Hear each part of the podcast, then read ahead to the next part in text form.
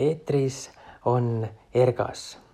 Ja tänu kuulajatele, keda esimene episood ei jätnud täiesti külmaks ning kes tõid minu tähelepanu puudujääkidele nii tehnilises kui sisulises pooles, teeme me selle episoodi nüüd uuesti.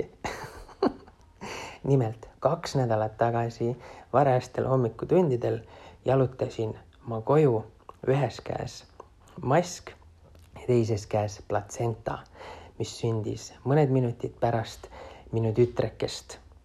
Amelie Karma Veiko tuli siia ilma hommikul kell kolm kaheksateist ning meid nähes rõõmustas rohkem kui kurvastas, vähemasti nii mulle tundus.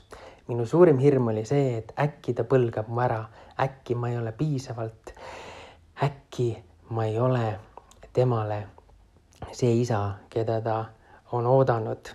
aga kui ta mu rinna peale pandi, siis sellist reaktsiooni tal ei olnud ning meie pilguvahetus pigem kommunikeeris mulle, et selles elus ma ikkagi võin tema isa olla. oma emaga ta oli vägagi rahul ning temaga ta veetis ka järgmised kaks päeva. kakskümmend neli tundi kodust tuutamist ning tund aega presse ning meie beebi oligi käes oleme igati tänulikud ämmaemandale, kes meie tütrekese vastu võtsid ning kes oskas head nõu jagada pooside muutmise kohta. nimelt kükki asendis mõjub kõige paremini gravitatsioon ehk siis maa külgetõmbejõud lausa aitab beebil välja tulla.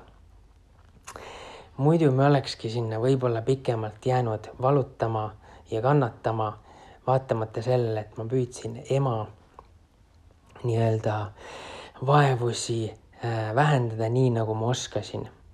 selle eest on suur tänu ainult edasi saata äh, sünnitoetajale ehk moodsa nimega Tuulale, kes meie puhul oli Kerli, kes äh, koolitas ja õpetas meid eelnevalt, mida teha kodus, mida teha teel haiglasse, mida teha haiglas, et see protsess võimalikult meeldivalt mööduks.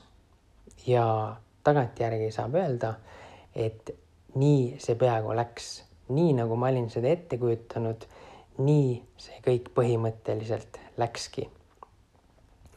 siin muidugi äh, tuleb mainida võimsat ja ennast unustavat eeltööd, mida beebi ema endaga tegi, lugedes tundide ja tundide kaupa raamatuid ning viies ennast parimale füüsilisele ja vaimsele ettevalmistusele, et see uus elu siia ilma tuua. pärast sündimist inimesed, küll siis pigem sõbrad, mitte suvalised vastutulijad, küsisid minu käest, mis tunne on. ja seda saab seletada üheselt, väga sarnaselt olukordadega, mis on mu elus pöördeliseks osutunud. kui sa kujutad ette, mis tunne on juhtida sündmusi suurte rahvamasside ees, kus kümned või sajad inimesed jälgivad iga su liigutust, kui sa kujutad ette, mis tunne on lõpetada kooli või saada uus töökoht, millest sa oled unistanud. või mis tunne on kahesaja kilomeetrise tunnikiirusega mootorrattal kihutada, tundes tõelist vabadust. ja see tunne on rahulik. see tunne on tõeliselt rahulik, sest tegelikult sa oled selleks hetkeks ette valmistunud. sind ei aeta keset ööd üles, et mine nüüd kooli lõpetama või motikaga kihutama, vaid sa oled füüsiliselt, intellektuaalselt ja vaimselt selleks hetkeks valmistunud ning see tunne, mis valdab, on tõeline rahu ja ma arvan, et see on parim, kuidas selliseid pöördelisi juhtumeid kogeda saab. ja ma loodan, et ka sinul pärast järgmist suurt saavutust on sees peale põnevuse, erutuse, adrenaliini valdavalt ikkagi rahu. sest see tähendab, et sa valmistusid selleks piisavalt, et sa teadsid, miks sa teed, mida sa teed ja mis on selle lõpptulemus. pärast esimest episoodi öeldi mulle, et heli oli jama või noh, kehva. kahjuks selle heliga ma nüüd midagi ette võtnud ei ole, aga võib-olla tulevikus. lisaks minuni jõudis info, et ma justkui ei olnud piisavalt muljet avaldunud uue elu ilmatulekust. Ja selle kohta ma saan öelda, et oo, ma olin vägagi muljet avaldatud kõikidest nendest aspektidest.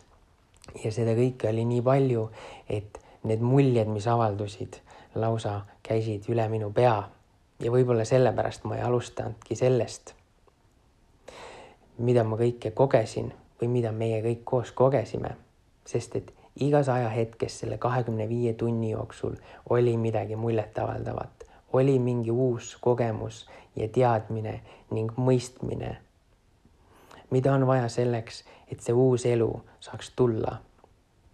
mida peab ema keha läbi elama selleks, et emakas avaneks ja see ei saa juhtuda liiga kergesti. räägitakse küll erinevaid kogemusi, kus see kõik toimub nii vaikselt, nii tasa, et pole ühtegi valu ega muud ebamugavust, vaid kõik avaneb justkui nagu lilleõis, justkui iseenesest. ja see kõik on kindlasti võimalik. meiega see päris niimoodi ei läinud. aga mulle tundub, kuulates teisi tuttavaid ja sõpru, kes on äsja sünnitamise läbi teinud, siis meil läks ikkagi üpriski väheste vaevustega.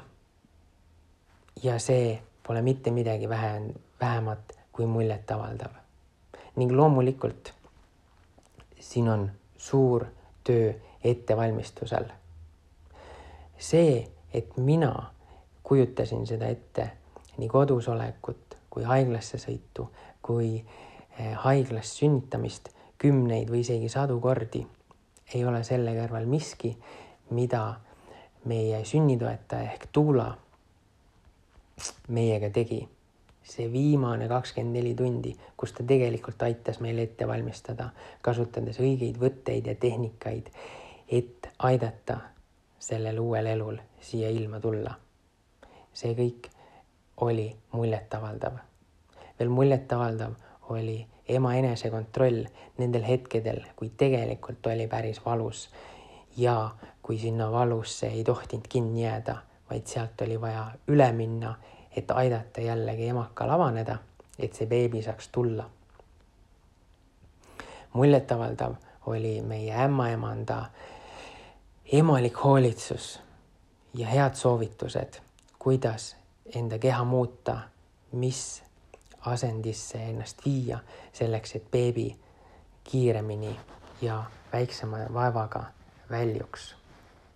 muljetavaldav oli gravitatsiooni abi meie beebi sündimisel, sest tegelikkuses kõige kiiremini sündis ta just kükist asendis, kus mina hoidsin pilleriinu selja tagant kinni ehk toetasin teda oma kehaga, nii et ta saaks mugavalt kükki laskuda.